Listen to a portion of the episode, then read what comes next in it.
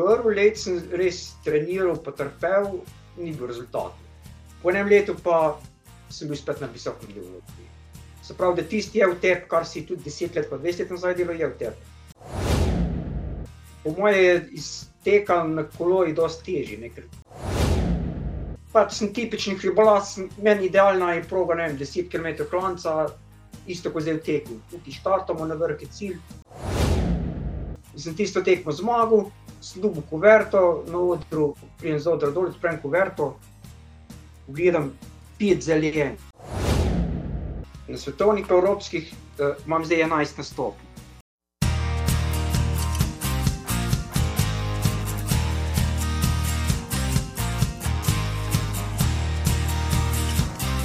Ta teden, ja, najprej pust, potem Valentinovo in hkrati še pepelnica. No, zdaj smo že v posnem času, kaj vse se je dogajalo, ampak za vrhunec tega tedna sem si pripravil pač en poseben pogovor. Z mano je, prepoznali ste ga, kdo drug kot Miran Cvet, Miran živijo. Živijo, Kakšne so temperature v Hrastniku? so bolj spomladanske kot zimske, Mislim, ampak se ne pritožujem. a, se pravi, ne maraš pred ali kako? Mislim, zimo bi imel rad, če bi bila bela, pa tako, da bi bil mrzel, pa sneg, pa sonce, to bi imel rad. Ne maram pa teh deževnih zim, tu pa res ne maram. A poleg tega, da pač te- tečeš po snegu v, v, v copatih, tečeš na smučkah slučajno? Ne, na smučah pa ne tečem. Čeprav je bila to že od nekdaj moja velika želja, sem tukaj ravno ni bil pogoju, da bi se pa kam vozil na roglo, pa tu pa tudi ni bil časa. Drugač pa imam željo, ja. To už pol, kaj v penzionu vprašam, kaj. Verjetno, ja. Ampak glede na to, kako si žilov, boš ti šel v tekaški penzion kdaj, čez enih 25 let? V tekaški, to Nikoli. pa težko rečem. Dokler bom lahko hodil, bom tekel tudi. Daj pa To- bo to pa težko reči. Tok, da, ne, zdaj le tvoja konkurenca, če tole posluša, ja, ne boste se ga še znebili, miren svet bo še kar nekaj časa na sceni, ja, tisti, ki ste se zdaj le priključili, pa ne veste, kdo je miren svet, za božjo voljo. Pa to je človek iz Hrastnika, včasih so mu rekli hribolazec iz steklarne. Zakaj? Ker je bil eden najboljših amaterskih kolesarjev v Sloveniji, sigurno pa najboljši za uhrib. Pri 46 je zaradi prometne nesreče kolo zamenjal za copate in takrat ustvaril izjemno tekaško kariero. Tako je, večkratni državni prvak, gorski tekač leta, večkratni reprezentant, udeleženec evropskih in svetovnih prvenstev, eh, na domačih tleh pa je postal tudi veteranski svetovni prvak. Za, ta, za sabo še vedno pušča pol mlajše konkurente in dokazuje, da leta niso ovira. Uh, Pred pol leta, še manj, pred štirimi meseci na cesti tekel desetko v 33 minutah, zelo pred kratkim pa zmagal absolutno na srednji razdalji Knap Traila. Kam greš pa ta teden, miren? Na tekmo? Ja, mogoče že ali ne? Ne, ne tekem ta teden ni. Ali pa ta mesec. A dobro, tudi v redu. A je lahko še en mesec brez tekem, ja. saj. Ja. Tako da verjetno nekaj se menimo, da bomo šli z družino za vikend, bomo šli nekam v hribe. verjetno. Je nekaj lepo vreme napovedan, tako da Aha, je bolje pa vreme. Jaz sem videl neke kapljice, ampak ajde, to se bo že ja, ja. prekadilo. No, uh, hodiš torej tudi rad v hribe, ne samo tečeš gorsko, kako? Ja, izredno rad grem tako z družino, da gremo, čeprav zdaj hčerka že ne hodi več z nami, da gremo jaz, žena pa sin, gremo skupaj v hribe, pa gor en čaj spijemo, pa kakšne pečenice ali pa zelje ali pa kakšne take enolončnice pojemo, pa se pa vrnemo v dolino, ne, sej, sej ne morem skozi divjati, pa teč, ne, tu treba včasih malo upočasniti. Se strinjam, jaz sem, jaz, tudi- jaz sem tudi svoje otroke gonil v hribe. Zdaj počasi tudi že nekaj, ta mala, bo stara 15 let, pa o hribih noče več slišati, jo ne morem več prisiliti. Kdaj se je pri tebi to zgodilo, da se je začela upirati? Ja, bi tudi rekel, tam ne, 13-14 let. Ne. Sej hčerke so se prej začnejo. Ne. Sin bi še kar hodil, ja. sin je star 18 in mu ni problem. Um, no, to je fajn, to je fajn, jaz sem tudi rekel, lej, fajn je imeti kakšnega kompanjona, ampak uh, rekel bom nehal jih siliti v hribe, ki bojo hitrejši od mene, zaenkrat še niso. Pri tebi se to pač težko zgodi, ali kako ali je poba tudi kaj pobral tvojih genov. Ja, neki, mislim, prav takaški genov ni podedoval, je bolj pomembni stran. Ne? Ampak eh, po meni je podedoval tisto voljo do treninga, ne? ker je treniral nogomet in imel izredno, imel zmeraj največjo voljo od vseh. Ne? Tudi to voljo po meni je podedoval. Ampak zdaj je tudi malo teče, pa s fitnessom se bal, tako da mislim, itak pa ni vse v tem, da bi bil zdaj ne vem kakšen tekač, ampak važni je ta zdrav način življenja šport, ne? to je v, v, pr, v prvem planu. Zdaj, eh, ti boš rekel, najbrž, kaj je najbolj pomembno pri vzgoju otrok, da se ukvarjajo s športom. Ne, najbrž ne samo genetika, pa, pa a, talent in tako naprej. Najbrž zgled staršev, kaj ti meniš? Ja, zgled staršev je, zelo pomemben. Jaz se spomnim, ko sem tukaj doma imel tak je, hišni fitness in že ki je bila včerka stara, ne vem, 3-4 leta izkuske za mene na uno fitness klub hodila, pa se rinila, pa sklece je hotela delati da je zgled kar pomemben. Ja.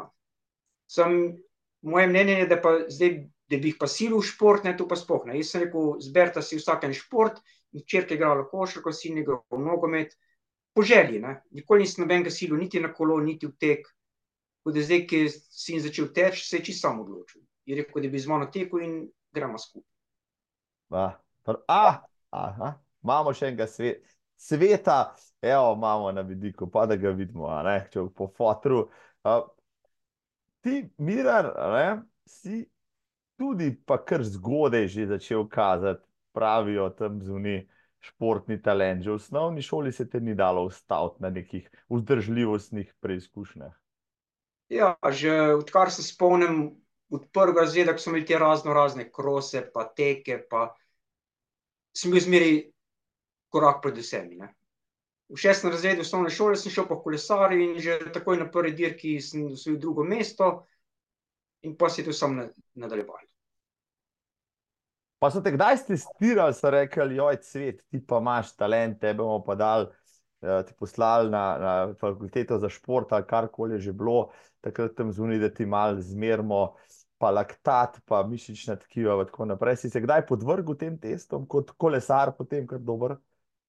takrat, jaz sem začel 81, v tem se ni niti vedel, ni, mogoče so ki v Ameriki vedeli, tu v Sloveniji bo še, to je 40 let nazaj, ne še več. Kasneje sem bil enkrat na enih testih, uh, ker sem imel, ko sem bil na sistematskem pregledu, mi je zdravnica rekla, da imam nekaj, da je narobe srcem, pa sem šel v Ljubljano na ene preglede, pa laktat mir, pa so ugotovili, da imam normalno športno srce, ne, ki se razlikuje pač od srca navadnega delovca. Na sistematskem pregledu se je zdaj zdravnici čudno zdeli. Kakšne pa imaš recimo trip v mirovanju? No? To me zanima. Je, po moje tam, zdaj ga imam recimo ne, 50. Zjutraj, ko sta, nisem pa imel nikoli tisti izredno nizek puls, koliko moje nekaterih sem bral izpod 30. Imel sem tam recimo 40, zjutraj sem se zbudil. Nisem imel nikoli ekstremno nizkega. No, sej pravijo, da ekstremno nizek srčni utrip ni v vseh primerih dobra stvar, lahko je tudi negativna, ampak ne bova razpravljala pač o, o kardiovaskularnih stanjih. Če kakšno bo rekla o mirovnem cvetu kolesarju, zdaj ti si rekel, ko si šel v te selekcije, ko si začel gond specialko na cesti, um, daj si recimo potem, zmagal si pa je celo, še v Jugoslaviji eno zanimivo prvenstvo, da mi kaj več o tem povej. Ja, 81, ko sem začel, sem tekmoval pri pionirčkih. Ne? Pa sem dve leti bil pri pionirčkih, pa sem pa 83, sem bil pa mlajši mladinec. 84, pri mlajših mladincih sem na Livške ravne, to je gor nad Kuboridom, sem postal državni prvak v gorski vožnji. Kad sem premagal nepremagljivega Vajtere Bonča, verjetno tisti, ki se pozna na kolesarstvo, ga pozna, je bila to mala senzacija. Naslednje leto pri starejših mladincih, to govorimo o državnem jugoslovanskem prvenstvu, se po zmagu na cestni dirki 110 km dolgi v Črnomlu, isto je bil drug uh, Walter Bonča, tret pa ne vem, po mojem bil Boris Premožič. Pre, Premožič, ja. No. Premagoval si, mislim, ti si premagoval, premagoval kolesarje, tiste zlate generacije 80-ih, mislim, noro. Uh, zdaj, za njih vemo, da ste potem nadaljevala v, v, v personale vode način, zakaj se miren svet ni znašel v bok, rekel, na, največjim, na največjih dirkah in tako naprej. Ja, že ko sem, po mojem, sem bil v prvem ali drugem letniku, sem vabil v Krko. To je bila zdajšnja Adrija, je bil čas Krka, ne, kolesarski klub.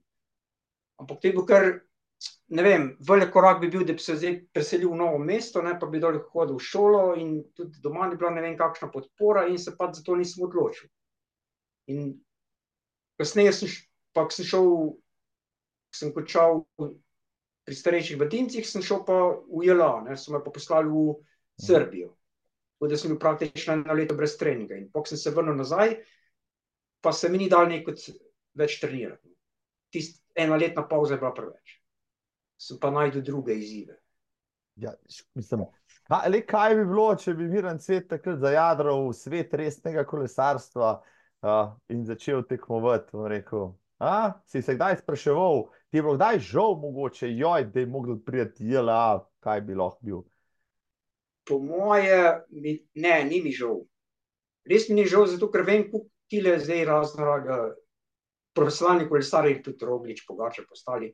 Kako je to odrekanja, pa je tukaj zadnji vsega tega skritga, kar mi ne vemo, pa skozi ti pregledi, pa doping kontrole, pa uno, pa ko boš vzel, da ti ne bojo dobili na dopingu, tako da ne, ni mi žal. Res mi ni. Imaš prav, si, kako je pa to v tistih časih, da mi malo povej, v 80-ih, ko si ti še tekmoval, pa med mladinci, pa, uh, pa starejši mladinci, in tako naprej. Uh, če primerjaš, mislim, to je bilo vse bolj sproščeno, tudi kolesa so bila bolj okorna, kako je bilo vse skupaj. Primerjavi z danes, pa vendar le tega že ne, 35 let. Ja, tako je bilo, kot si rekel, to je bilo vse bolj sproščeno, neč, mislim tu smo se pred štartom hecali, pa tu, mislim, dirkali se je zares. Ne? Ampak vse je bilo bolj sproščeno, ni bilo tega v dopingu, potem se spoh tega, če ni govorili, niti se ni vedeli.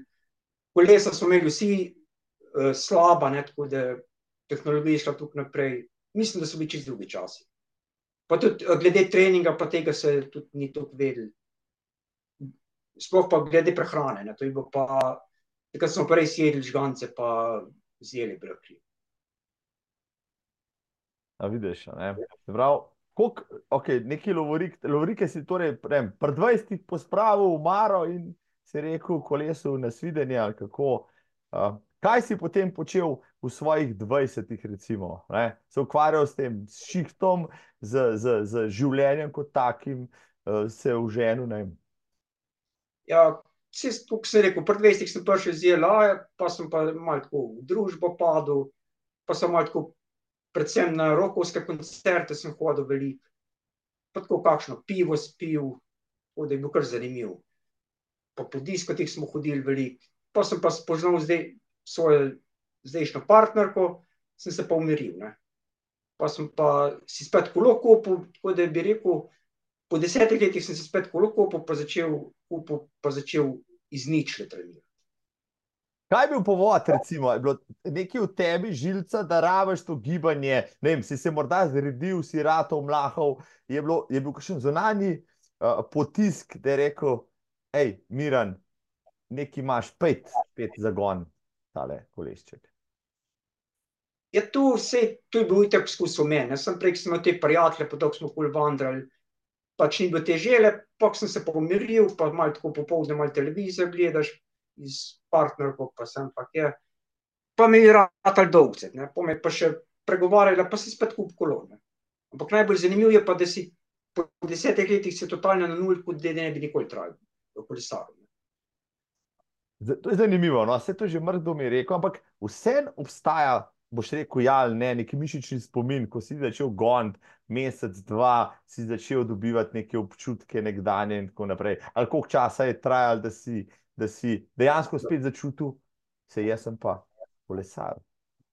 Prvo leto sem res treniral, potrpel, ni bil rezultat. Po enem letu pa sem bil spet na visokem nivoju. Se pravi, da tisti je v tebi, kar si tudi deset let, pa dvajset let nazaj delal, je v tebi. na pramenem začetniki, ne, bi lahko na en komplet treniral, pa ne bi prišel na isti nivo. Jaz sem v enem letu bil že na zelo visokem nivoju, sem sem pa res treniral. Probleme s kilom pa nikoli nisem imel, tudi takrat, ko nisem treniral, mogoče sem imel pet kil več, ko, ko jih imam zdaj. Tako da teh problemov nisem imel. Se pravi, hočeš reči, genetika te je obdarila z, z dobrim metabolizmom, ki ne nalaga odvečne maščobe, z uh, zdržljivostjo, z eksplozivnostjo klanec, mislim, se ti si rekel, medicinski fenomen, kako hočem reči, malo se hecam, sicer, ampak vseeno, so tvoji starši, stari starši, mogoče je kdo športov, je kdo kazal ta vzdržljivostni, ta, ta, ta športni navdih takrat, ali pa žilico. Ja, jaz mislim, da je pomembni stran, ne, pomembni stran. Vsi moji bratranci, pa sestrične, to so dal po Dalenskem, večinoma doma, so bili isto v teh krosih, pa to so bili zmeri med boljšimi. Se pravi, da je pomembni stran, da smo pač, imamo genetiko, to pravo. Mislim, Ampak ni bil pa noben. Ni pa takrat obeden tega športno pač ne, njegovo ja. in tako naprej. Ti si najdel to žilco, no in ko si, kaj potem, pri 30-ih spet začel uh, brcati, uh, pa poganjati ja. kolo in ne, in po tistem letu šel v klanec, si kaj, začel spet premagovati praktično profesionalce. Kako je bilo takrat? In ne, pa sem začel udeleževati teh uh, rekreativnih dirk na Rogla, Nanos, Krvavc, Vršič. Mhm. Vršič sem po moje pet let en za drugim zmagal. Pa tudi šel sem na državno profesionalno prvenstvo, sem na pokluku en let, sem bil tretji, od pač te spone sem večinoma dirkal. Čeprav ti je Franje, maratoni, pa to, to mi pa nikot ni v letu. Ne, zakaj ne? Zaradi zarad gužve, zaradi preč ravnine, ti boš klanc ali kako taktike preveč tam? Pač sem tipični hribolas, meni idealna je proga, ne vem, 10 km klanca, isto kot zdaj v teku. Tukaj štartamo na vrh, je cilj, tu je meni pisal na kožo. Si, ampak, no, ko si se vrnil, no, pa si dejansko začel na teh amaterskih zmagovati, jaz se pravim, ne poznam to kolesarstva, te je vse kdo začel špegati od zuni, a so rekli, da ti sprestr, stavo se ne bomo ukvarjali, po drugi strani pa, vem, ti se cvet je tako dober, tretji bil, med profesionalci, da jim ga povabiti spet v kakšno ekipo? Ne, ni bilo teh kontaktov, ker itak je, nekako si seznanjen, itak je skus preveč kolesarjev na tržišču, kot bi jih lahko v klube vzeli. Iščejo mlade, do 20 let stare talente, ne, in nisem jih nikoli kontaktiral. Aha, tako da, ko se je enkrat 30, pa ni, ni zdraven, bil 10 let, tudi če, če premagaš kakšnega od njih, te naremljajo preveč resno. Ja, ne. No, ampak ti si v kolesu potem najdel, rekel, svoj popoldanski rekel, odklop, tisto, kar si rabo za svoje telo in glavo. Ja, pač to je bil del tega. Imela smo in ženo, to smo imeli zmeri urejeno. Pač jaz sem šel za tisto urco dve na trening, imela uno otroke, pa sem pa nisto otroke, šla pa žena s prijateljicami na kavo ali pa ne vem. Da te niso imeli nikoli problem. Zaradi treninga nikoli družina trpela tako umri. Ampak treniral si pa zato tudi, da si tekmoval, tekmovalna žilica, pa vendar ni šla s tebe. Pač, ko si šel na dirke, si videl, da si dober in te je gnalo na nove dirke. Ja, pač izredno rad se bom športom, to je definitivno. In tudi, če ne bi bil dirk, jaz bi zdaj isto treniral, kot zdaj treniram. Tudi takrat, ki je bila korona tisto leto, jaz sem treniral isto. Pač rad imam šport, rad grem teč, še kar veliko lesarm, grem pa tudi na dirko to je pa sigurno. Um, ti pomenijo zmage, no še v kolesarju, nazaj v kolesarstvu, ko si zmagoval, potem, sam, ko si drugič prišel zraven, ti zmage pomenijo, so ti motivacija, ali je pač to samo, bom rekel, češnja na torti, pomembno ti je pač, ne vem, da daš vse od sebe, da ne podreš kakšen rekord, da sam sebe premagaš. Kako, kako pomembne so ti zmage kot take? Takrat v prvih letih so bile zmage res pomembne. Misliš, ko si zmagal, da si bil, pa pa si mal star, imaš pa pol druge vidike. Ne. Zdaj rečemo, gremo na tekmo, nekako takšno tekmo, še nisem bil. Pa najbolj mi je to zanimivo, da pol v cilju se malo podružimo, pa malo pogovorimo. Pa tudi, če, če zmagaš ali si drug, tretji, nam rekel, da mi vse in rad zmagam, ampak zdaj, ki si malo star, je malo drugače gledam te stvari. Predvsem druženje. Ampak takrat, ko si, se pravi, dejansko si ti 15 let, med 30 in 45 letom, si bil predvsem na kolesu, ali si se že takrat kdaj, pa rekel, zapodu tudi uh, uh, brez kolesa v hrib ali pa po cesti? Ne, site, včasih uh, so bili treningi ne, od februarja do novembra se kolesarili, pozim se pa tekli. Ne. Tudi jaz sem že tekel vse v življenju, tečem, ampak predvsem tri mesece pozim smo tekli. Ne. In sem vedel, da dobro tečem. Si, imel sem tudi dosta prijateljev, ki šlo z kolesarstva v tek. Ne. Pa so me vabili, pet zraven bomo šli na Ljubljanski maraton. Pa sem si rekel, ni, jaz ne bom nikoli šel na, na Ljubljanski maraton. Evo, pa sem bil zdaj že dvakrat. Od tega zarečenega kruha smo si že tako požrali, ja? pa še nekaj ga bomo. Um, no, ampak potem, a, silom prilike oziroma spletu nesrečnih okoliščin, pa si pristal v teku, čeprav si mislil, da nikoli ne boš. Kaj se je pravzaprav zgodilo deset let nazaj? Ja, zdaj le, naslednji mesec, 31. marca, bo točno deset let, ko sem v Litiji nesrečo. Me je en šofer me izbil, sem se kar grdo poškodoval, no, mislim, ni bil nedzlomen, ampak imel sem obraz razbit, pa vratna vretenca malo zamrkjena. Tako da sem, pač en mesec nisem nič, pa sem začel pa malo teči, Pa me pa en prijatelj povabil, če gremo v celje, se reče za nami celske koče in hrib Grmada, če gremo na tisto Grmado teč. Pa se rekel, no pa pejmo. In pa sem pa gor tisto Grmado zmagal, pa popravil rekord, ko je imel Simon Alič.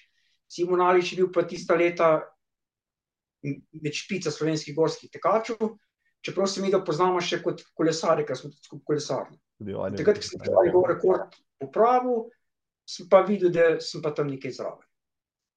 In takrat sem pol dobil veselje. Praviš, torej, na prvo dirko, na katero si šel, si vzel Aličev rekord. Pa en mesec si samo tekel, zares tekel predtem. Ja, si sem dosti bil takrat, na, mislim, se je to gorski tek, ne prav gorski tek po kolesarstvu. Če si dober kolesar v klanc, boš tudi uh, v klanc dober tek. To je sigurno. Zdaj, kar, ajde, koliko pa poznaš Eh, morda, ampak kontra pa ni temu tako, boš rekel, gorski kolesari, eh, gorski tekači, pardon, ki bi pa hotel uh, potem presedlati na kolo, pa ne bi imeli tako lahkega dela. Kaj meniš? Po moje je iz teka na kolo je dosti težji, ne? ker sigurno je dosti težji. Sploh ravninski tek je čist nekaj drugega. Ne? Ker je kol, tudi kolesarstvo, bo še vsem tehnično močka bolj zahteven šport kot tek, vendar le obvladuješ zraven še pa rekel, en drug kos, ki nisem tvoje telo. Ja, preteku, sploh v klancu se zapodiš v tisti breg, ko je tekma, pa ško, kar gre, gre. Pri kolesarstvu pa malo drugačno. Je pa že malo taktike, pa za veterje, pa kakšen prenos boš zbral, pa da ne boš s pretežkim šel, pa kdaj boš vstal, pa kdaj boš sedel, pa kdaj boš pospešil. Pri, gors, pri teku gorskem je pa samo skozi štarta do cilja, si skozi napolnjen. Pri kolesarstvu vmes pa se malo spočiješ, pa malo za veterje, pa konkurente pogledaš, tako da je čist nekaj drugega. Si, si kdaj teku po tisto progo, ki si jo prej pri kolesaru, recimo vršič ali kaj podobnega, ja, isto uh, s kolesom in, in, in z nogami potem primerjal čase in odseke in tako naprej? Ja, leta nazaj je bila tudi uh, tekaška tekma na vršič. Andrej, Točno, leta do vrha. Ne te vmes je dosta ravnina in mislim, da sem tekel 49 minut. Kolesaril sem pa 33. Za primerjavo, spoštovani ja. in spoštovane. Tam zunaj, to, da veste. Ja. Um, večina vas tudi v 49 minutah na prvi kolesar, gor, to, da veste. Um, koliko je pa rekord? Se sploh ne vem, koliko je rekord na vršič. Je po mojem zdaj 31, pa pol, tam nekje ne vem zelo. Moj tam nekje. Mhm. To je te uradno zmerjanje, čeprav govorijo, da je pa Pogačar šel pa že tudi 29. Ampak to govorim, ta uradno zmerjen čas si na tek. 33. Če bi te zdaj le posadil na kolo, pa te poslal na vršič, recimo sredi sezone, ko boš v formi, kaj bi pa zdaj odpeljal? Ja, mislim, da dve leti nazaj sem se, me neki pičil, sem šel, grem pa vršič odpeljati. Pa sem šel petintrideset minut, ne. Tako da sem bil kar zadovoljen, dve minuti slabih v ta boljših cajtih, s tem, da nisem bil toliko na kolesu, ne, ker saj tako fizično sem pripravljen, samo mogel bi biti več na kolesu, da dobiš tiste obrate v noge pa tisto kolesarsko moč. No, leta dva štirinajst, spoštovani, spoštovane, se je začela tekaška kariera Mirana Cveta, takrat je bil star šestinštirideset let, ja. Zdaj, kdo bi rekel: lepo za rekreativca, kakšen drug bi pa rekel: "Kaj, potem je takoj postal državni prvak pa šel na svetovno pa evropsko, kaj se dogaja, ne?" Ampak ja, to je vzpon potem na, gorskotekaških prireditvah in nasploh je bil res kar meteorski, no, kako si ti doživljal recimo leto štirinajst pa petnajst, ko te recimo še ni poznala, bom rekel, vsa scena, potem te je spoznala. Ja, tako kot sem rekel, tisto leto sem šel prvič, sem šel na to Grmado, ko sem rekord postavil, pol sem se pa prijavil na Rakitovec, to je pa izredno priznan slovenski tek, ki je tudi štel za državno prvenstvo.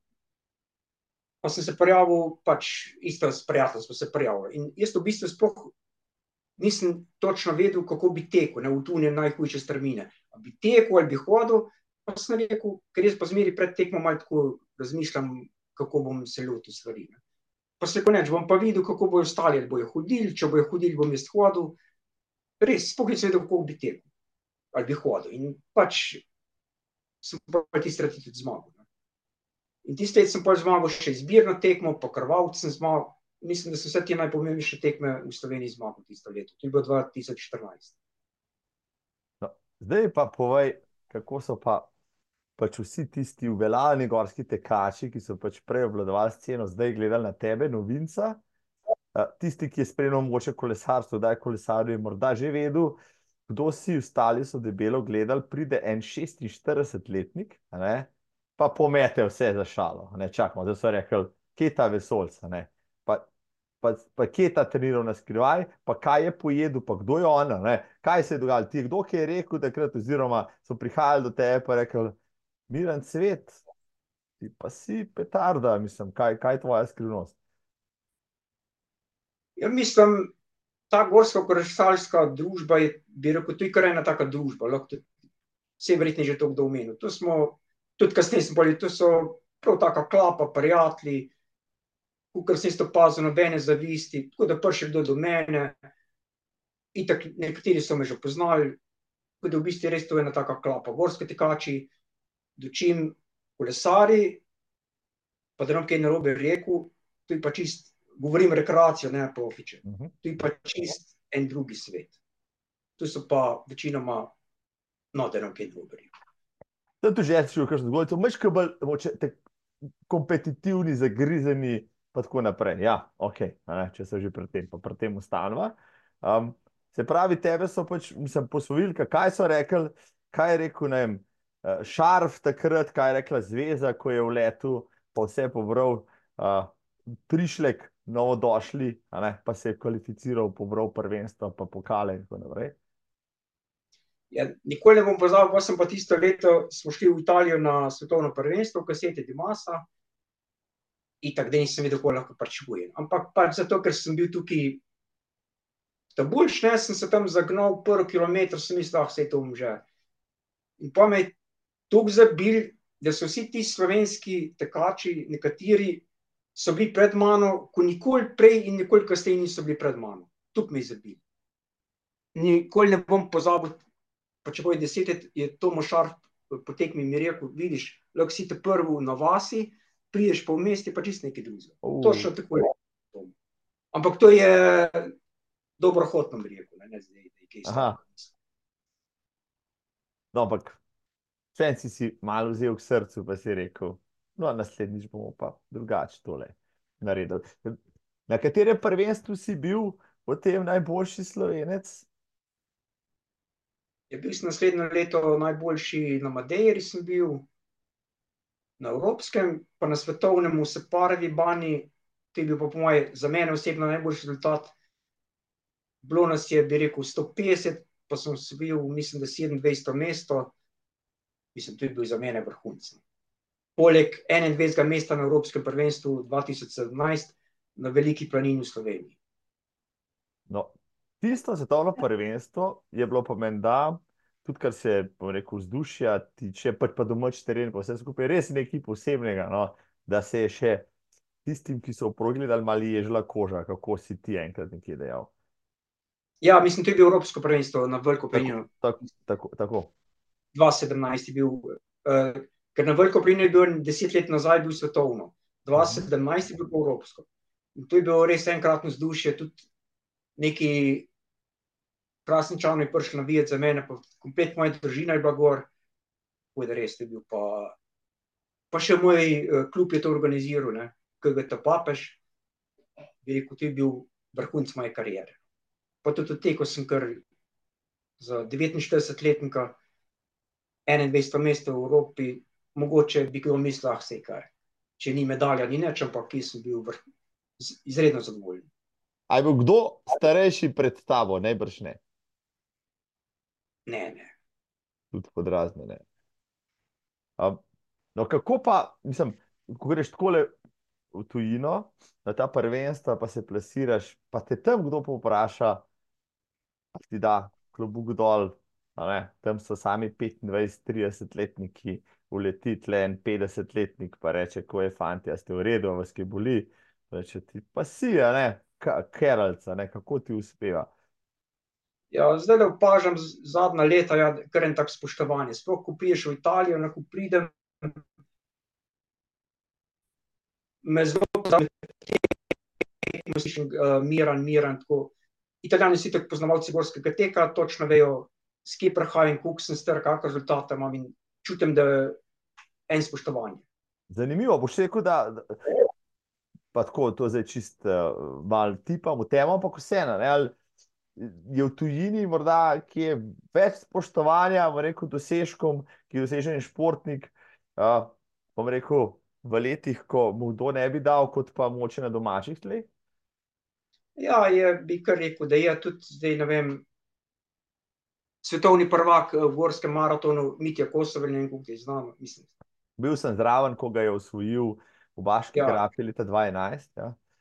Tako da on je bil itak v tujini, pa še zdaj, po desetih letih, če gremo v Italijo, še kar za njega sprašuje. On je bil v Italiji legenda, mislim, še kar je legenda, veliko večja kot v Sloveniji. Tako da pač oni znajo bolj ceniti. Zanimivo, zanimivo, ja, vidiš, ne, kljub temu, da vsi pravijo, da je ta šport malo za rekreacijo, pa ga noben resno ne jemlje, temu ni tako, greš samo če malce zmejo, no, pa se tam da tudi denar zaslužiti. Kdaj uh, v teku uspel še evro tudi zaslužiti, ali je vse skupaj pač bolj strošek, kaj ne? Ja, se je kar dal kak evro dobiti, čeprav zdaj le malo menj, ne, ker so pač malo slabši rezultati. Takrat sem pa se je dal. Ampak itek to ne delam za denar, delam zaradi veselja. No, nikoli pozabil, enkrat sem šel na eno tekmo v Avstrijo, sploh sem pisal, da je Geld Prize, denarna nagrada, ni pa nič pisal ka- znesek. Ne. In sem tisto tekmo zmagal, dobil kuverto, na odru, prijem z odra dol, odprem kuverto, pogledam pet zelenih, 500 evrov. Nisem mogel verjeti, sem šel nižji od koče, tam, ki je bil cilj, sem se sedel na kamen, sem, to, je, to je res. Sem se sedel na kamen, pa sem ven vzil, pa sem gledal, če je to možno. Sem bil na eni kmečki tekmi 500 evrov. In si še kdaj šel na tisto tekmo? Ne, pa je bil skozi neki, so kar neki predstavljali, pa bo vsebino naslednji let, pa se je organizator zamenil, tako da nisem pa več šel. Prav, zanimivo. No, mislim, ampak boš rekel, da je vršitek ta denar, ki si ga zaslužil, si pač porabil za pač tisto, kar te kač rabi, za opremo, za štrtnine, za pač potne stroške, ni da ni. Ja, pač porabiš ta denar, ko ga dobiš, in tako gre. ne. Pa se tudi, če ne bi dolgo, pač, čeprav zdaj te zadnja leta, ko hodim bolj na trejle, dobim pa veliko uh, copat za nagrado. ne. Kaški copat, tako da bi rekel, da sem tudi une sponzorke, ko, ko dobim pa te copate za nagrado, mi sploh ni treba copat kupati. Pa, pa ponosiš vse te copate, ki jih nagrade dobiš, tudi če so kakšne znamke, ki ti mogoče ne sedajo. Ne, vse porabim, ker te gre ogromno copat, ker če ne menjaš copate redno, to pride takoj do poškodb, pa tudi, treba skusi menjati pa obračati. danes tečeš v teh, jutri v unih, tudi bi rekel, da imam zdaj ne šest parov v obtoku, ne. plus, da imam še dvoje za tekmo. No, kaj, no, ja, če so pri copatih, na katere copate pa prisega Miran Cvet? Zdajle tri leta tečem na skotu.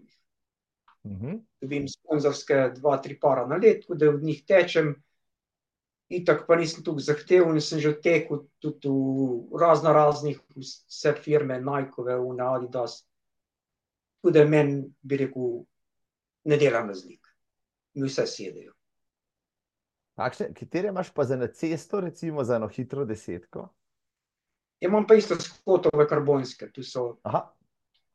Podobne one Nikeve karbonske, mogoče so malo slabi, ampak isto skotove.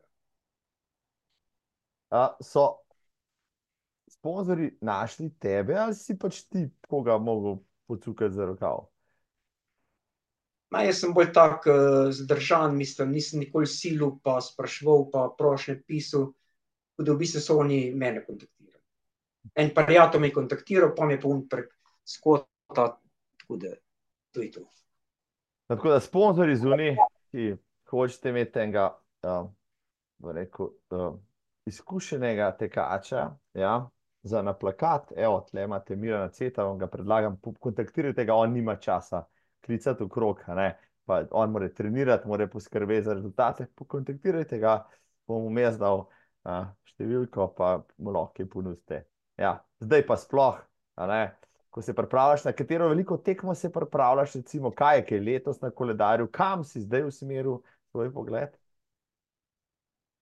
Ja, zdajle nimam, pač treniram, zdaj ne vem, evropsko prvenstvo je v Franciji, sem, nisem po moje težko, če bom še zraven v ekipi, no. Pač mladi prihajajo.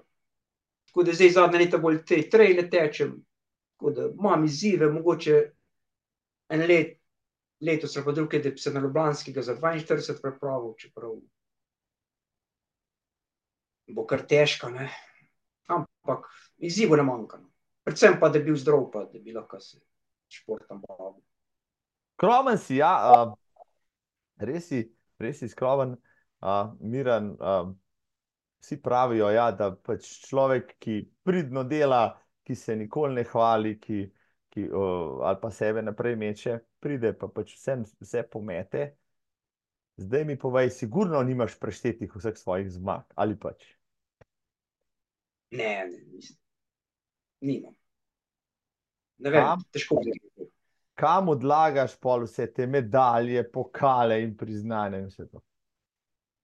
Ja, v kolesarskem klubu so one tri vitrine polne, v kleti imam ene škatel.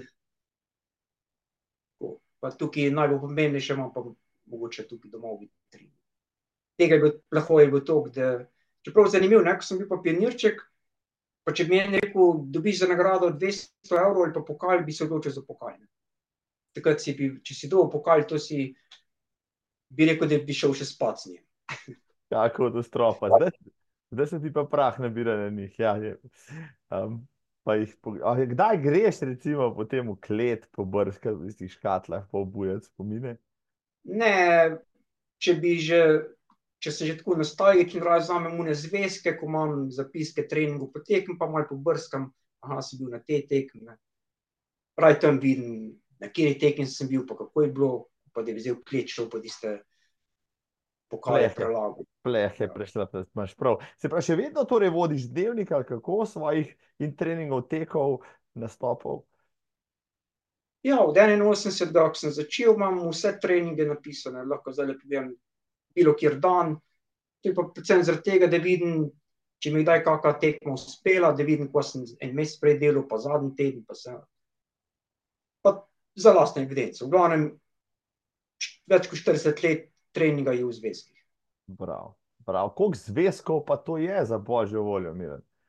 Ja, jih je kar en lep kup. Čeprav me zdaj malo nagovarjajo, da bi se to na Stravo dal pa na računalnik, samo ne vem, meni je nekako lažje, da vzameš zvezek pa prebiješ. Mogoče sem, pač imam svoj pogled. veš, zakaj hočejo, da greš na Stravo? Zato, ker hočejo videti, kako treniraš, ker hočejo ugotoviti, kaj je tvoja skrivnost, ampak dajva reči, imaš še zmeri ta protokol, da en dan počivaš, pa še ti treniraš, a si zdaj spremenil vse skupaj? Ja, sistem je tak, da v ponedeljkih počivam, ampak zadnje cajt čase imam več časa, pa tudi v ponedeljk se malo s kolesom zapeljem, tudi da se peljem malo za dušo, tako da v bistvu to že ni trening. Malo taka relaksacija, rekreativna vožnja. Sicer pa, dejva, evo, dejva orisati en tvoj tipičen treninški teden, no, zdaj pa to pa že, že mene zanima, ne. Ponedeljek, ok, regeneracijska vožnja, kaj pa vse ostalo? Zdaj, teki v klanec, intervali, kaj počneš, da vzdržuješ in buildaš formo? Ja, to je zdaj čisto odvisno, je to uh, med zimo ali polet, ko so tekme, to je zdaj pol čisto uh, No, pa Čisto ne, vaši. če, pa ne, zdajle zdima, pa rečva zdajle, kako, kako bi zdajle to izgledalo, oziroma izgleda. Jaz zdajle predvsem delam dolge teke, pa veliko tečem v klanc, ne, pa kakšne take krajše šprinte delam, tudi da ne dobim dvestotke delam na stadionu, da ne dobim hitrost. Pol kasneje bom pa začel malo več intervalov delati, dva do trikrat na teden, tako po šest minut v klanc, pa ravninske kilometre, šestkrat en kilometer. Tudi če si gorski tekač, rabiš vseeno dosti ravnine delati, ne, da je pol, ker v gorskih tekih je tudi vmes kak ravni odsek, da te pol vsi ne prehitijo, ne. Da, ja, Nabereš koliko? 70, 80, 100 kilometrov na teden? ja, lani sem jih pretekel blizu štiri tisoč, zdaj pozimi malo več na teden, poleti malo manj. bi To je kar, višinske metre tudi nekako znaš oceniti? Ja, bi rekel, da je kar ene sto tisoč višinskih metrov je sigurno, če ne več. Bi mogel tam malo zvezek pogledati. Sigurno sto tisoč, to je, mislim, ja, to, to pač vendarle moraš narediti, če hočeš biti gorski tekač, če hočeš biti ravninski tekač. Zdaj, um, rekel si, kratke, eksplozivne, navzgor so tvoja uh, specialnost, kaj pa gor dol spusti, recimo to ti, to ti ne diši, ali kako? Eh, Spusti mi ne ležijo, tudi te tekme ali pa trejli gor dol, tu mi ravno zaradi spusta ne ležijo, čeprav jih pa izredno rad tečem. Se mi zdi, zadnja leta so mi ti gor dol tekme celo bolj všeč, kot samo gor. Čeprav niso moja močnejša stran, ampak tudi ta Šmarna gora mi je, bi rekel, najljubša tekma. Imaš tri kar konkretne spuste, ampak pač izredno rad tečem čutno zdol, čeprav nisem najhitrejši, pa pol tri dni noge bolijo, da ne moreš po stopnicah, ampak to se vse pozabi. A mi je Aleš Žontar nekoč razlagal, ja, da te je poskušal, poskušal ujeti, je rekel na klanc dol, pa je ni tako dober, je rekel, pa nisem imel šans, ko je zavohal, da sem mu na petah, je začel šprintati, kot da mu, ne, je za življenje in ga nisem več ujel, tako da um, si strah in trepet očitno še tam trelašal, uh, gorskih tekačev in vseh ostalih. Prej sem te vprašal, koliko imaš zmag, okay, koliko imaš pa nastopov na svetovnih prvenstvih, to pa veš. Na svetovnih evropskih uh, imam zdaj enajst nastopov. S tem, da vmes, ki je bila korona, dve leti ni bilo nič. Ne, da, Si bil kar bilo 2000. konsistenten. Ja, si bil kar praktično nisi zamudil velikega tekmovanja od leta 2014 naprej, ne, na vseh sem bil, edino enkrat sem bil poškodovan, pa tisti let, ki je bila korona, dve leti ni bilo svetovnih pa evropskih, drugače sem bil pa na vseh. Ja. Mislim, to je pa lepo, če si kar skozi standardni član reprezentance, čeprav si se vsakič mogel na neki izbirni tekmi pač potruditi in potrditi svoje mesto. Ne? Ja, sigurno, sej noben nastop mi ni bil podarjen, sem se vsak let priboril, nastope v reprezentanci, nastopi na teh domačih tekmah sem si jih priboril, na izbirnik sem bil zmeri, prvi, drugi, tretji, tako da mi ni bilo nič podarjeno, da bi si rekel pač, dajmo gor reprezentanco, sej vse sem si priboril, pošteno. Zdaj, če imaš, če pobrskaš po spominu, poleg pač že prej omenjenega Evropskega prvenstva na Veliki planini domačega, jasno, katera prvenstva so ti še ostala v spominu, tako da so bila kaj posebnega, da so bila eksotična, da je se kaj takega zgodilo, kar ti je res bo za zmeri ostalo nekaj zapisano v glavi. Ja, meni so bila vsa prvenstva zanimiva, ta domač evropska veliko planina tudi, ampak če bi mogel izbirati najljubšega, mi je bil pa svetovno prvenstvo v Argentini, smo bili pa 2019, v, pa težko razložim, zakaj, ampak ne vem, ta država je bila pa tukaj interesantna, da res je bilo vrhunsko. Ste, ste nekaj časa prej prišli dol, ne zaradi klimatizacije, pa ste se že malo gledali, pa malo tekali tam. Tako. Ja, to je bila pa ena zanimiva dogodivščina. Šli smo, ne, vse skupaj smo videli deset dni. Ne. In prvi dan smo šli z avionom do Rima, pa pa iz Rima v Buenos Aires. Pa potem v Buenos Airesu čakamo na naslednji avion, mislim, da bilo za nek tri štiri čakati, pa vidimo tam ene novinare, pa kameramane neki po letališču sem pa kje tečejo. Pa sem si hecel, po moje pa štrajkajo. Ni bilo pol ure, pride, ne vem, da je bil naš vodja takrat, pride, fantje, neč ne bo, čez noč bomo na letališču, piloti štrajkajo, to je resničen dovolj.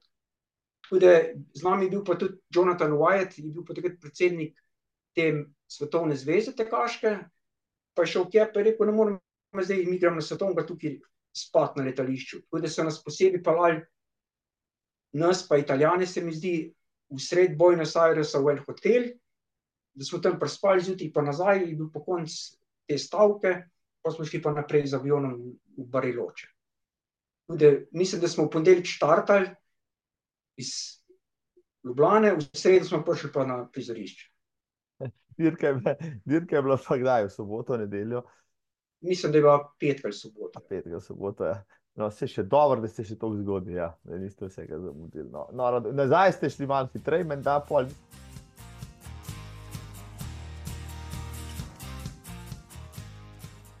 Kaj pa pokrajina sama, te pokrajina tudi navdušila? Um, gost, morda je drugačen, kot naš. Ja, to sem bil tam v Patagoniji. Uh -huh. To je bilo izredno lepa pokrajina, res ti hribi, pa jezeri, pa res izredno lepo pokrajina. Pa tudi, ki si prišel v ta mest, uh, bi rekel, je bil kot takem, če gledaš kak un, uh, western film, so tiste ameriške, tiste vasi, tiste mesta. Prav en tak poseben stil, je izredno lepo res. Kje je naslednjo svetovno prvenstvo, ja. ti sigurno že veš? Ja, to je pa 2025, je pa svetovno prvenstvo v Španiji, v Pirenejih. Aha, Pireneje. Tam si gotovo tudi že bil, ne? pa že kaj tekljov na kakšni drugi tekmi. Ne, v Pireneji pa še nisem bil. To, ne, jaz sem bil v Andori, se pravi čujem. To, seveda si bil, pa že toliko let nazaj da si že pozabil. Ja, tako, tako. Smo bili na svetovnem prvenstvu v Andori. Mislim, ja. Se pravi, koliko se pravi, rekel si 11 nastopov imaš, ne? Svetovnih evropskih prvenstvih. Ok, 11 je taka smešna številka, 12 je lepša, 13 še boljša. Uh, kakorkoli. Um, izbirna tekma za Evropsko je kje letos? Ja, letos, uh, prejšnja leta, včasih je bilo prav izbirna.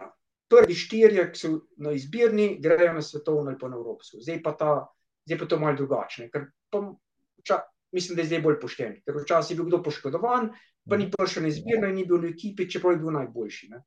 Zdaj so pa ne dve, tri pregledne tekme in bojo pač glede na tiste, pregledne tekme, pa lanske rezultate, bojo pač izbrali ekipo.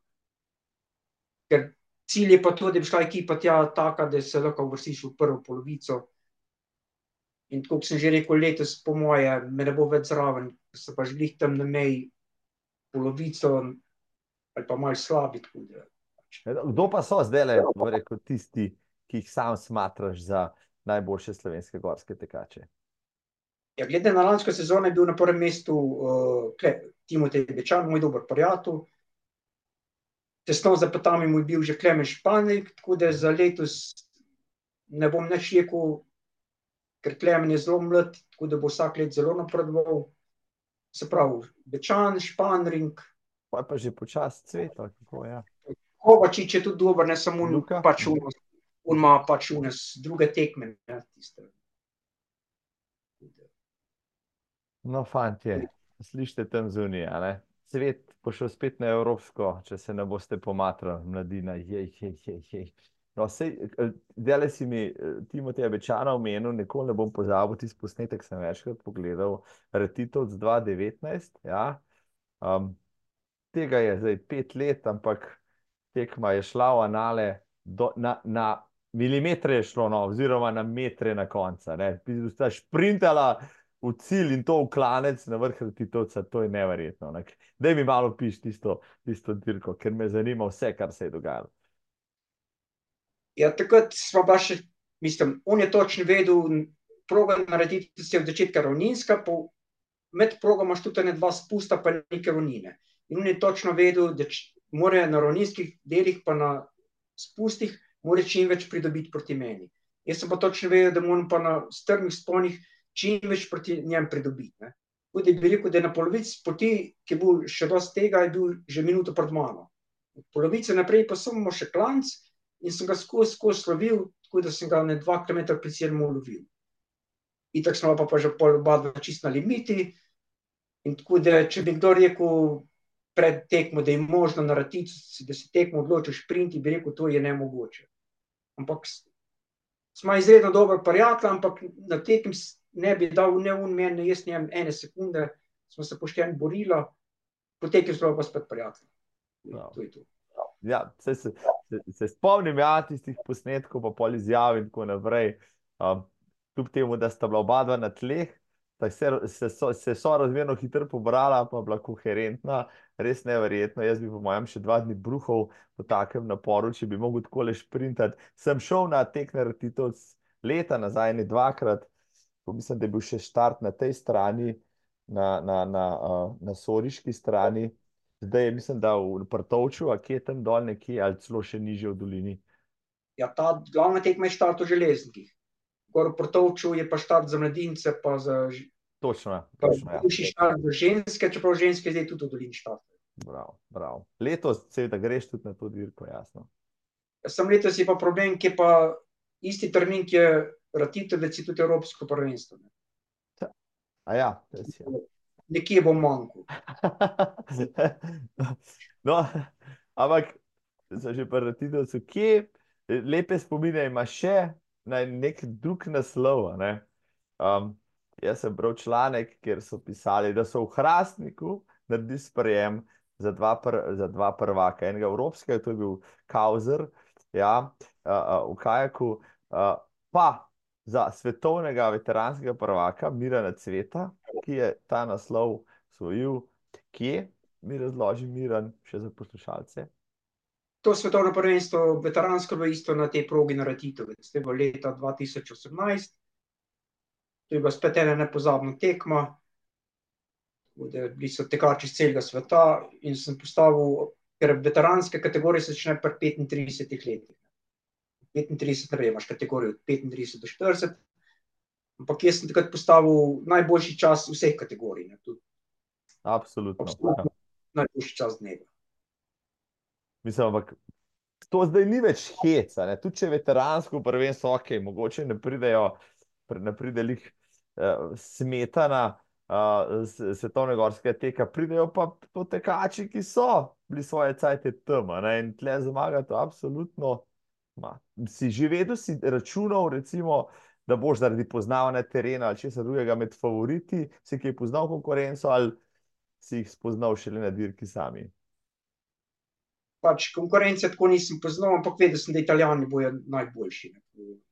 Tam je, Italiji so najboljši tekači bili. Čeprav zdaj zadnja leta so prišli Kenijci, pa Ugandci, so bolj Afričani malo zavohali, da se da, da niso več Italijani najboljši. In pač vedel sem, da moram Italijane premagati. In čeprav v svoji kategoriji sem pričakoval zmago, ne, ampak za absolutno, da bom najboljši čas dneva postavil, pa nisem bil čist 100%. In okronali so te za svetovnega prvaka, je tistemu sledila, mislim, si, si dobil še kakšno dodatno priznanje temu, na čas si takrat postal tudi gorski tekač leta, ali to si že prej. Ne, tu sem prej, gorski tekač leta sem bil 2015, 2016, pa 2017, sem bil gorski tekač. Takrat naprej, od 2018 naprej pa Timotej Bečan uh, bil gorski tekač leta. Mislim, ja, sej, lepe, fajn naslednika si dobil, jasno. Recimo, da bi pred leti vem, osvojil medaljo na Evropskem prvenstvu, vendarle si, ba je takrat skoraj prehitev Turka Arslana, ki je bil znan potem, da je osvojil več evropskih naslovov, pa v tisti tekmi potem ni mogel. In si ga skoraj ti še prehitil, a ni bilo to na Evropskem, kaj ne da? Uh, Ja, na veliki planini. Na velike, mislim, kaj, kaj še, kaj ti manjka še v vitrinah, kaj bi si še želel usvojiti? Ok, mogoče si zdaj že mal uh, uh, opustil kakšne cilje, ampak kaj bi bil še lep dosežek, recimo, za tekača tvojega kova? Ja, to je pa težko reči. Pač zavedam se, da te boš časi so min, tako da, ko bi si želel. Ne. Najbolj si želim, da bi bil zdrav, pa da bi bil del te scene, te kaške, ko se zdaj ta gorski tek se zdaj spremenil v trail sceno, ne. In tako gorskih tekov ni več, zdaj gre vse v trail. Tako pač da bi bil del tega, pa da bi brez poškodb, pa kako dobro tekmo, itak pa vem, da kaj velikega pa več zmagati ne more. No, konkurenčen, doma si še konkurenčen, no, si, si, mislim, kakšna tekma imaš še ogledano, kamor bi šel, pa bi po mojem lahko to še zmagal, no, če smo že pri tem. Ali pa večina Ne, saj, Če tako gledam v Sloveniji, vsak vikend imaš deset tekem, ko bi lahko šel soboto in nedeljo na tekmo, pa bi zmagal. Pač bi že našel tako, ampak pač ni mi to cilj. Ne. Rad grem nekam, še nisem bil, in zdaj me privlačijo te traili 20 km. Pa mogoče, kot sem rekel, imam željo Ljubljanski maraton 42 odlaufati. To je ena taka tiha želja. Ampak to predvsem zaradi sebe bi šel, da vidim, kak čas lahko postavim. No, Samo zdaj, da, da, ok, vse se pri lanskem maratonu pa takole reče, zato da najni poslušalci, najne gledalke, ne, da bodo mislili, ja, da si gorski tekač pa na cesti. Miran Cvet, paste zdaj to, je pri 55 odlaufal desetko v Ljubljani v 33 minutah in 9 sekundah. Ja, tako je, ja, pred njim je bilo, mislim, da samo 11 tekačev, od tega ga je komaj, komaj prihitel Žan Rudolf, neznani, rekel, atlet na stezi, a za par sekund, no. Pa še par let nazaj si polovičko tudi že odtekel in to v, dajva reči, kar s podobnem času, ura in deset minut, tako da ne vem, kaj bi rekel na maratonu, ampak imaš kar potencial. Ja, po moje, če bi, mislim, sej itak, mogel bi se pa, pač pripraviti malo daljše te teke, bi mogel teči, sej, če sem, isto sem takrat mislil, da 21 ne bom zdržal, zastavil sem si cilj uro 15, sem ga za, skoraj za 4 minute popravil, mislim, da bi se dal, ampak mogel bi spremeniti trening. Bi lahko odlaufal maraton. Ker tisto pa imam v sebi, da bi po pamet začel, to imam pa tukaj izkušnje, da edino zdaj ne vem, kako bi kaj, da ne bi do kakih krčev prišel, edino to me malo skrbi. Drugače pa bi se znal pripraviti. Kaj bi bil zate dober rezultat na cestnem maratonu, recimo, Miran? Ja. Bi rekel dve ure pa pol. Če bi dve ure pa pol tekel, bi bil vrhunski. Za sebe. Mislim, to pa, to bi pa bila, bom rekel, najboljša zgodba. Evo, in bom zdaj navijal za to zgodbo, ja, da remiran cvet na maraton, te- odteče 2 uri 29 in zmaga uh, v državnem prvenstvu. Ja, recimo, ja, pri 57. To bi pa bila zgodba. Ne? To bi pa bila zgodba, Te, tega ni uspel niti Romanu Kejžerju, ja, pa je rekel, da bo pri 55 postavljal svetovni rekord v maratonu, pa potem se mu ni šlo, ker je mu več preveč drugega dela. Um, Sej najbrž veš, da so zadnja leta Slovenci zmagovali na državnih prvenstvih s ravno takimi časi, tam pod 2,30 ali pa celo nad 2,30. Ja. Ja, poznam, ampak tako kot sem rekel, mislim, da, da, ne bo to slišati. Pač jaz grem na izbred v maraton teku, samo isto sem šel 21. Samo da vidim, koliko sem sposoben iti. Isto sem šel lani, rekel, grem desetko, vedel sem, da tam 33 pa pol, da bi znal. Šlo se samo zaradi tega, da vidim sam pri sebi, koliko lahko grem.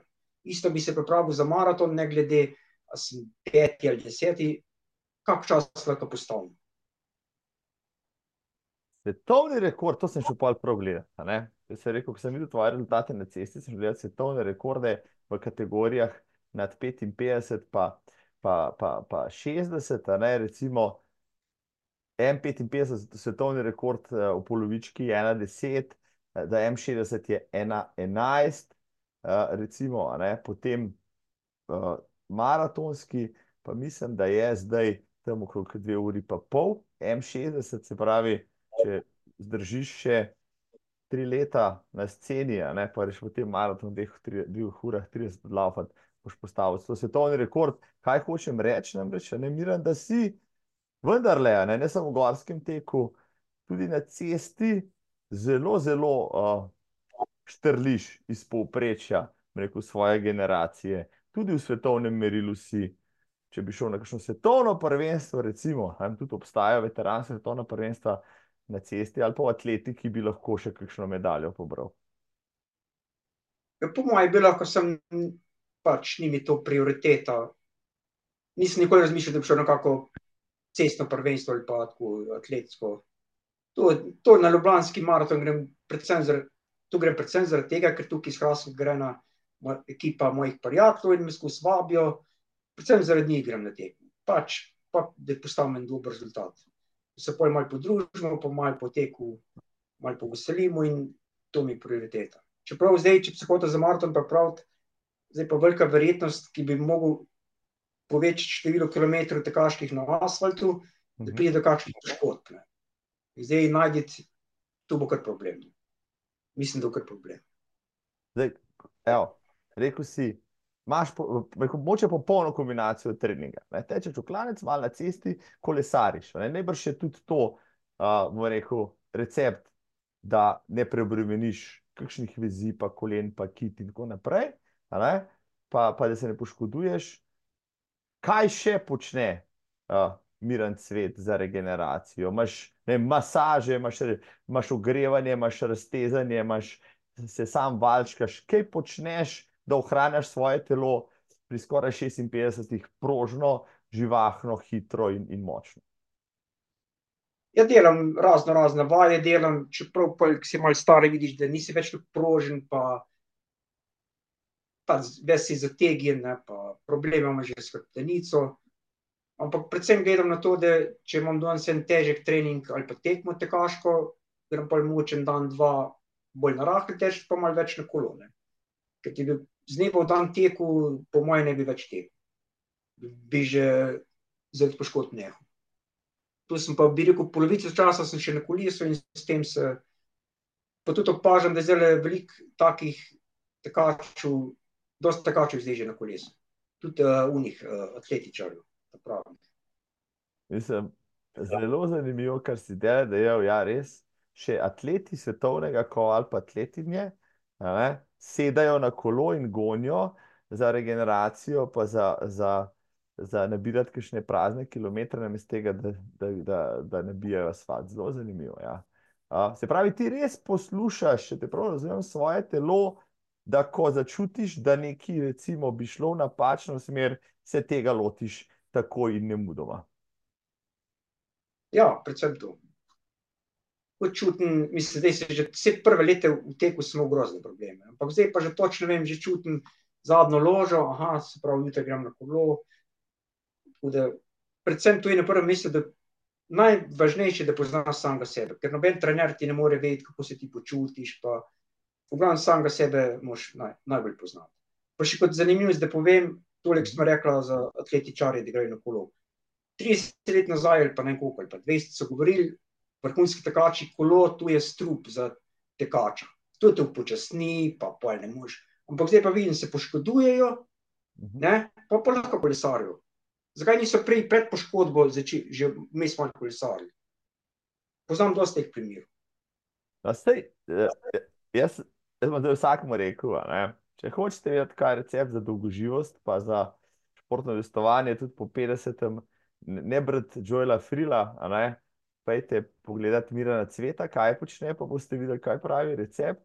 Zato ne, ne pretiravati, vključevati malo manj impekta, malo več recimo. Eni so laufali po bazenih, pa ti za aqua jogging se šli, ampak kolo, dan današnji, posebej v Sloveniji, no, imamo tokenih poti, ker te, čeprav, ok, tebe so povozili, so te zadeli, ampak še zmeraj se da dokaj varno kolesariti v Sloveniji izven nekih hudo prometnih cest, pa nabrati tiste kilometre, ne da bi pač ogrožal svoje življenje pač na cesti. Ja, se da, ja, mislim.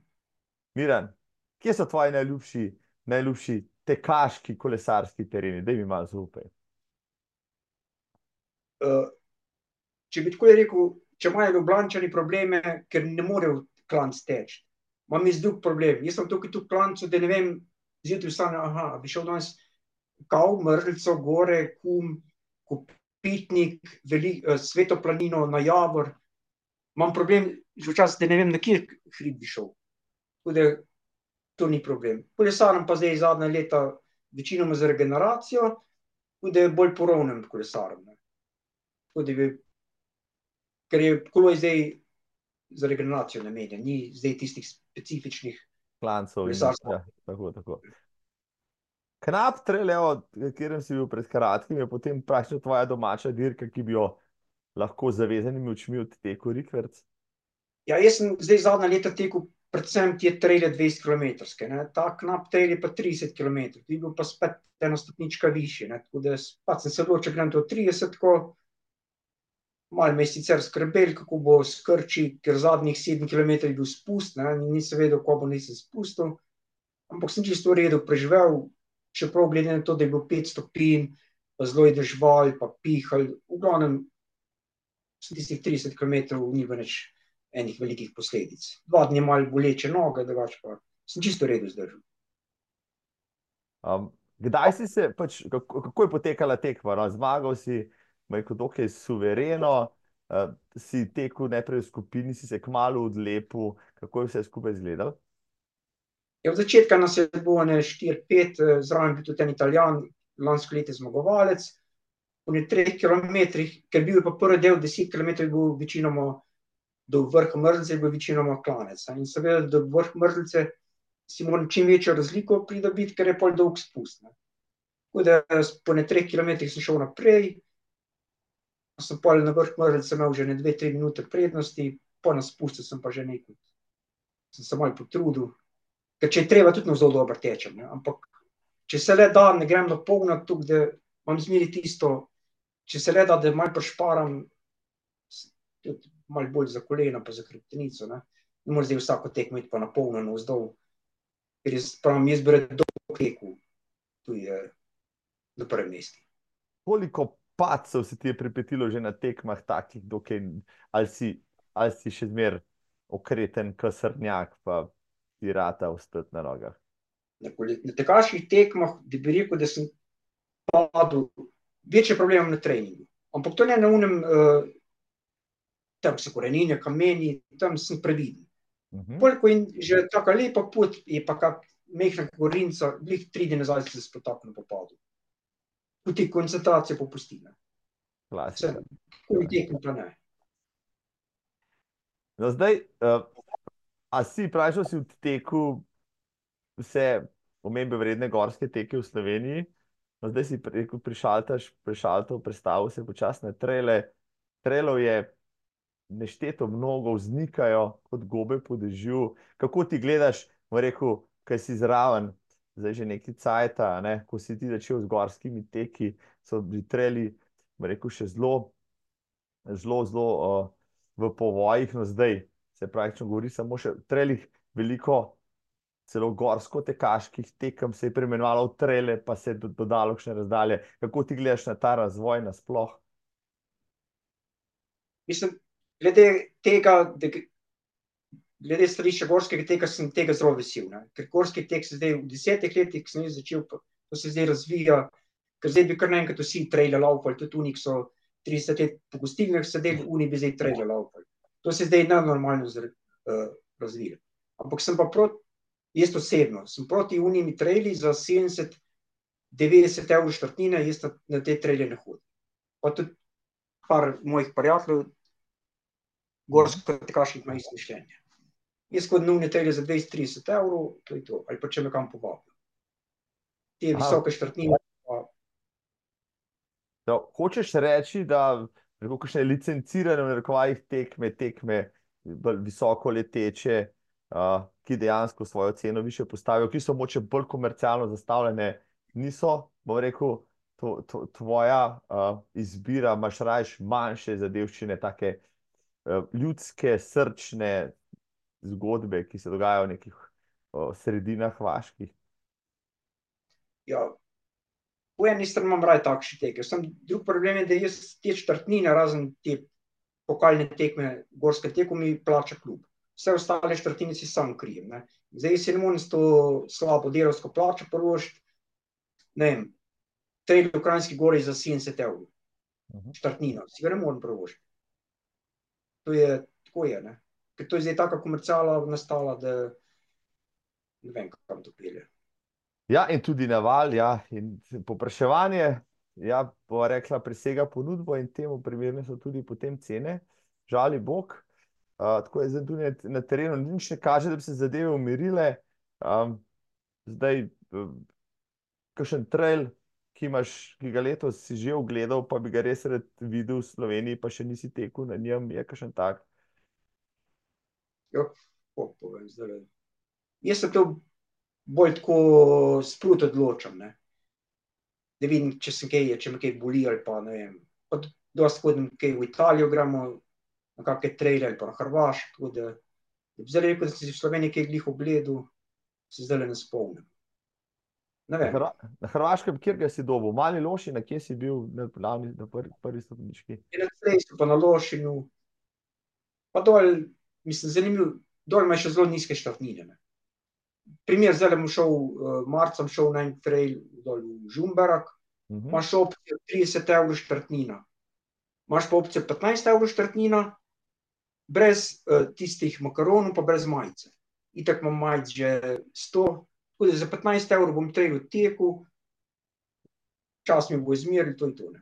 Ja, bo zmagal, pobral pokal, je rekel, lepo se ne, se vidimo drugo leto, se res praviš, polne eh, škatle teh medalj pa pokalov, kam pa daješ majice, Miran, na Rdeč križ ali kako? Ja, te, ja, včasih so bile one bombažne majice, ne, saj mogoče se malo Teh vam, Smeh. ja, ne, pa, super so bile, tiste majice so bile super, ker si jih lahko nosil tudi za v mesto, a ne. Ja, pa še, mi smo jih uporabljali, kolesarji, one majice bombažne, da smo kolese čistili. So bile dobre. To nove, moderne, je pa tak material, da ne moreš uh, z njim kolesa brisati. Čeprav mogoče je nespoštljiv do organizatorja ali pa vse, pač po desetih letih, ko ti leži majica v omari, pa boš drugega, ko jih boš, se, se jih ne moreš. Saj uporabiš jo, tako ja, tako, tako. Teh majic pa toliko nabere, da ne moreš uporabljati. To je res, ja, dragi organizatorji, ja, s temi majicami, ne pretiravati, dajte še kakšen drug kos obleke raš, ali pa kaj drugega, no, sej, tekače marsikaj prav pride, ja. Če lahko prekinem, Zvoli, zdaj že na parih tekmah uh, nogavice, dobiš na mesto majice nogavice. To je pa izred, to je pa veliko boljša ideja, ne? ker nogavic gre pa ogromno, ne? par treningov tekem pa je luknja. Tako da je veliko boljša opcija so nogavice.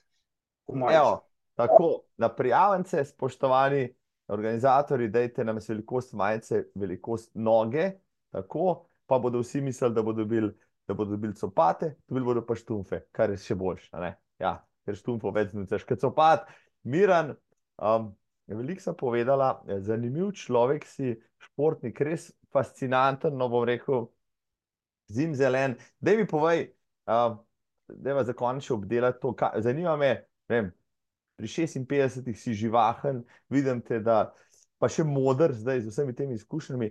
Kaj pa glavna razlika izpred desetih ali pa petnajstih let, tudi ko si, ki si še kolesaril? Kaj si na svojem telesu, mislim, opazil? Da rabiš, ne vem, več počitka, več spanca, več raztezanja, da rabiš biti bolj pameten, uh, ne tako uh, uh, se zaganjati, da moraš pri prehrani morda kaj paziti. Kaj je bistveno, oziroma če morda pri tebi niti ni kaj bistvenega, glede na to, kako hiter in še vzdržljiv si. Ja, največja razlika, ki sem jo opazil, je to, da sem veliko bolj neukreten pa neroden. Pač včasih najmejšna korenica, pa se že spotakneš, ko 20 let nazaj se to ni dogajalo. Tako da bi rekel, bolj sem neroden, tisti gibčen, pa to itak nisem bil nikoli, ne vem, koliko te bi zdaj raztegljiv. Največ problem je zdaj, ko z leti padeš, eh, postaneš bolj neroden, ne. to je največji problem. Vse ostalo, prehrana, no, vem, da si eh, govoril, da pač s prehrano se nisi nikoli dosti ukvarjal, tudi zaradi tega, ker nimaš težave ne s kilogrami, ne z ničemer, pa vendarle, a ne si kaj pazljiv uh, pri, pri tem, da v, v tvoje telo ne, dodajaš dovolj hranil, da mu še uživaš kakšne prehranske dodatke, vendarle, a ne vitamine, minerale, kaj drugega, ali si še zmeraj, rekel, bolj prosto obreširno. Tako, v prehrani sem imel zmeri bolj precej rezerve, ne, nisem se glih zdaj poglabljal, sem tako jedel, pa še kar jem večinoma vse, pač masnih stvari, pa tega se izogibam. Jemljem, edine dodatke, ko jih jemljem, je, so te multivitaminske tablete, minerali, vitamini, pa mogoče kdaj kak protein shake, drugače pa taka normalna prehrana, nič preveč nekompliciran, da bi zdaj jedel makarone brez omake, pa ne to je samo, to je pride poštev za profije, za nas, mislim, da ne, da bi se zdaj tukaj odrekel, kot tudi kak pivo, če spiješ, to ni nič slabega. Ne škodi ravno, ja, imaš prav, ja, to je čisto zdrav pogled, se mi zdi na vse skupaj, no, konec koncev, če si že rekreativec, zelo ti si eden boljših rekreativcev, praviš tekmovalen si, kot sem te poslušal zadnjo uro pa četrt, si tudi, rekel, dokaj sprijaznjen s tem, da ne boš večno zmagoval, da bodo prišli mlajši in da se boš vendarle z njimi boril, dokler bo šlo, ampak da boš priznal, bom rekel, tudi, tudi, da so drugi boljši, da prihajajo boljši. Imaš recimo s tem staranjem kakšno težavo ali pa z dojemanjem tega, da pa nekoč pa ne bo morda tako šlo, ali si pač s tem že razpucal in razdelal? Ja, težko je se s tem sprijazniti, to, kdo bo rekel, da to ni res, se je težko sprijazniti, pa ne tudi glede rezultatov, ne, da pač one tekme, ki si včasih zmagal, jih zdaj ne moreš, glede tega, da če si včasih tukaj en klanec toliko tekel domač na treningu, zdaj ne moreš več, to je malo težje, ne, pa pač staramo se, ne, saj jaz zdaj za, pač jaz grem zdaj na tekmo, zato da srečam prijatelje, Timoteja, Klemna, pač vse ostale, se malo pogovorimo pa tako, grem rad na tekmo, ne, zaradi tega. Sprijaznil sem se pa, ne, saj, tako je. Saj preko tega ne moreš, ker če se ne bi sprijaznil, pol je bolje, da takoj neham. Ker nehal pa ne bom, ker pol mi bo pa dolgcajt, ne. Nekoč si dejal, da boš, hodil na tekme toliko časa, dokler ti bo zdravnik rekel, da še lahko, če ti bo rekel: "Glej, zdaj imaš pa, na srcu šum pa, pa, pa eno aritmijo slišimo, boš pa, boš pa nehal, ali kako?" Ja, to bi pa takoj nehal. Ampak zaenkrat niti ni sledu o tem, da bi bilo s tvojim srcem karkoli narobe. Ja, zaenkrat ne, lahko pa, ker imam tamle prijatelja soseda, ki je to čez noč, prišel, ne. Tako da pač saj, saj tudi če bi bil pa kadil, mogoče pa ne bi bil več živ, ne, tako da pač tako je, ne, saj če ti pa zdravnik enkrat reče, čeprav zaradi želodca mi je rekla zdravnica, da ne bi smel več kolesariti, ker imam probleme z želodcem, da ko sem tako, mi preveč na prepone pritiska, ne. Ampak to ni toliko zdaj življenjskega pomena in se pač tega ne držim. No, saj, verjamem, da zdravnica tegale ne bo gledala, ne, pa da te ne bo jutri klicala pa rekla: "Cvet, sem ti rekla, da nehaj, zdaj si pa priznal, da to kršiš, ne bo, na tekmo naj pride pa naj se pomeri." Miran Cvet, super, super sogovornik si, zdaj, okej, gorskotekaški krogi te poznajo, v klubu KGT Papež si že ves čas, ali kako, so te, te je tudi Dušan povabil zraven, si sam šel tja zaradi nastopov in tako naprej? Ja, prvo leto dva štirinajst sem začel teči, ne, ko so me povabili v reprezentanco, sem se mogel včlaniti, ker si mogel biti član atletskega kluba, če hočeš iti na svetovno, ne. In pol nekdo mi je rekel: "Pojdi kar k Papežu, ne." In mi ni bilo žal, res, to so pa eni ta pravi ljudje, tako da živijo za ta klub, ne, bi rekel družinski projekt je to njihov. Bravo, to je res, to je res, in to že z Grintovcem na čelu, tisto znamenito tekmo, a si kdaj tekel Grintovec? Grintovec pa nisem nikoli tekel, ker je pač isti termin bil, ko sem v bistvu vsako leto na morju. Ampak kot zanimivost, eno leto sem pa rekel iz Cresa, da bom šel zvečer na trajekt, pa pol se tja v Kamnik, potem prespal pa dan na tekel na Grintovec, ampak je pa glih dva dni prej v, v hrbtu ošinilo, ampak jaz rekel: "To je bil en znak, da to je brez veze." Bi si jaz, ne, res, bi si jaz dopustil nič, da bom zdaj šel na, na Grintovec, ne. In jaz pravim, to je bil znak, da brez veze. Čeprav mi je žal, da nisem šel nikoli na to tekmo. Ja, mogoče se, nikoli ne veš, mogoče se kdaj še vrne, glej, a ne. Pa bo mogoče kdo drug prišel pa, ja. temeljih neke tradicije, spet neki postavil, res dobra dirka. Jaz sem jo imel čast enkrat odlaufati in lahko rečem, da je bila, ne, kar peklenska, da je zalival. Kako pa ti eh, to trpljenje, saj to je tudi malo genetike, ali kako dojemaš, recimo, trpiš, ko žival, v kakšen klanca, ne, kaj si takrat rečeš, kako si, je tudi nekaj v glavi, imaš telo natrenirano, ampak glava ne sme popustiti. Kaj si takrat rečeš, kako se mentalno prepričaš, ali pa kaj si pred štartom rečeš, imaš kakšen ritual, uh, imaš v glavi kaj, preštevaš, ne vem, konkurente ali odštevaš sekunde, kaj počneš, da premagaš to. Ja, jaz bi rekel, taktiko tekme, kako sem lotil, glede na profil, pa to že zvečer, ko se režem, pojsta malo tako prediram v glav, pa kje bom. Tako bi rekel, pred štartom bi rekel, da imam skoraj tako prazno glavo, da neč glih ne razmišljam, samo tisti je čim prej do cilja. Ne. Tako med tekmo pa in tako vsak trpi, ne, ker ta gorski tek to je samo ena, samo en trpleje, ne.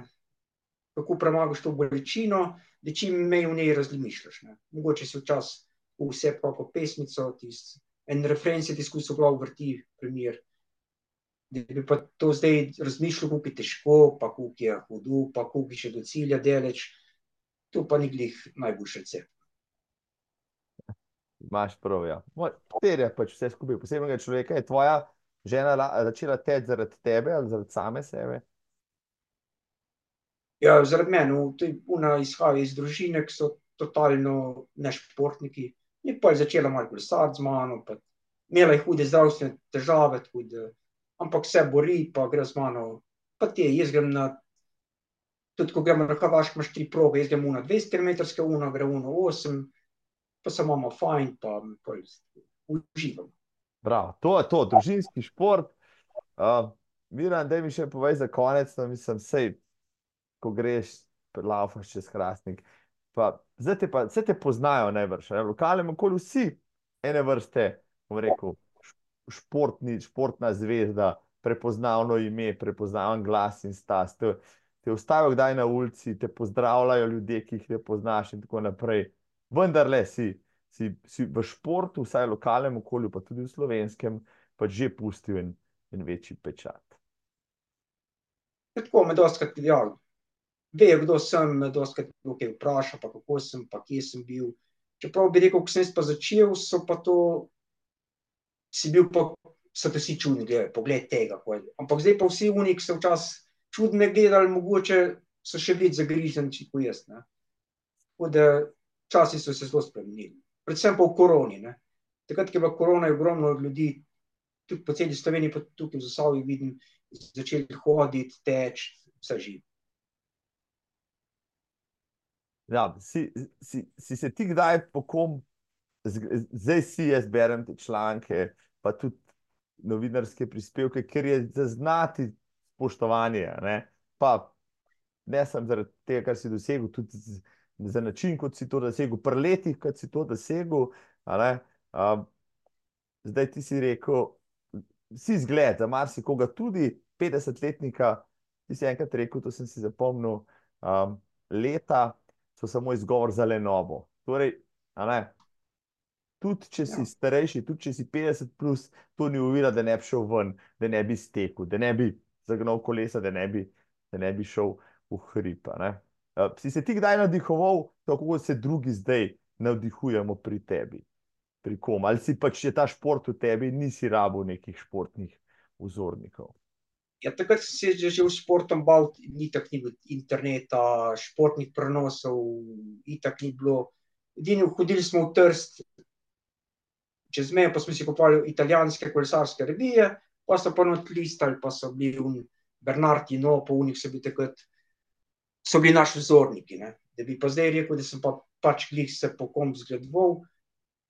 Je pa dosti teh tekačev, zdaj ogromno v njih berem, ki so mi zanimivi. Ne, Kdo pa ti je zanimiv? Okay, povej mi, evo, komu je Miren svet? Je, ko, ko, ko, kdo ti je zanimiv, Miren?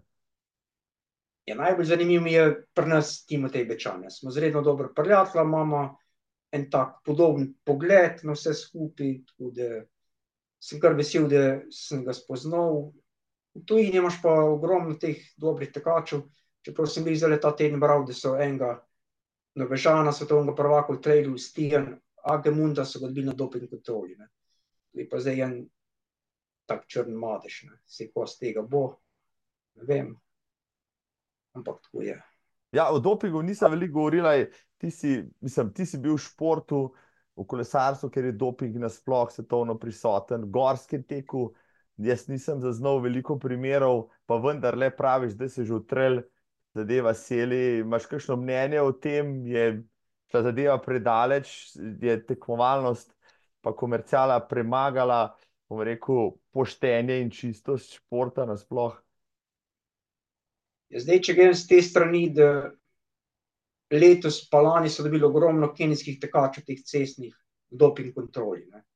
Po gorskem teku je tudi čedalje več kenijskih tekačev, se pravi, če je na cesti obstajal, po moje bo tu, je ta trail bo zdaj šel samo še višje, ne. Ker tudi zdaj kandidirajo, ne vem, katerega leta, da bi bil olimpijski šport, bo še več tekačev, še bolj odmeven šport bo, in če boš hotel doseči dobre rezultate, boš mogel pač isto kot v vseh športih. Saj treba kaj, Bodimo ja, bodimo pošteni, ja, denar, in, in slava povlečeta za sabo pač tudi nepoštene prakse, to je to.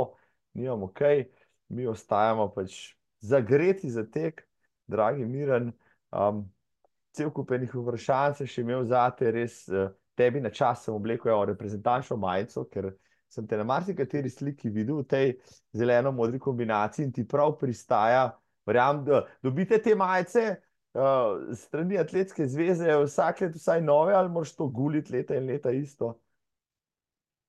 V teh desetih letih, bi rekel, ene pet, štiri, pet različnih tako se je zamenjalo, zdaj glih vsako leto ne dobimo nove, pa mogoče od začetka, da sem mogel kako trenerko vrniti, ampak te hlače pa drese so mi pa ostajali, no. Vsake dve, tri leta se zamenja logotip pa mogoče barva. Tako, tako. Majčkeno je drugače, saj prav, ja, saj tudi te zadeve se morajo spreminjati, Miran, glej, jaz ti želim izjemno pač sezono dvajset štiriindvajset, zdaj bom pač pozoren, ja, posebej na te pregledne tekme, pa bom držal pesti, da vendarle mogoče prideš na še eno evropsko prvenstvo, da imaš pol vsaj dvanajst, ker dvanajst je taka lepa, ducat nastopov, ja, to bi bilo fajn, ne. Pa naj pol z letom petindvajset pač mladci grejo, no, sicer morda se srečava na kakšnem drugem teku, na Ljubljani na maratonu ali pa še kje drugje. sem bil počaščen, da si bil moj gost, no, veliko sem slišal o tebi, ne poznava se v živo, ampak računam, da se kmalu srečava, ne. Pač z legendo, bom rekel, slovenskega gorskega teka in teka nasploh. Dame in gospodje, sem imel čast govoriti urico pa pol, mi je bilo v veselje, upam, da Miran še kdaj, naslednjič pa najprej seveda v živo, hvala ti. Hvala tebi. Srečno v Hrastnik, evo, tako, če te srečam na kakšni stezici, da ti pomaham, tako, evo. Lepo se imej in hasta la vista. Lahko.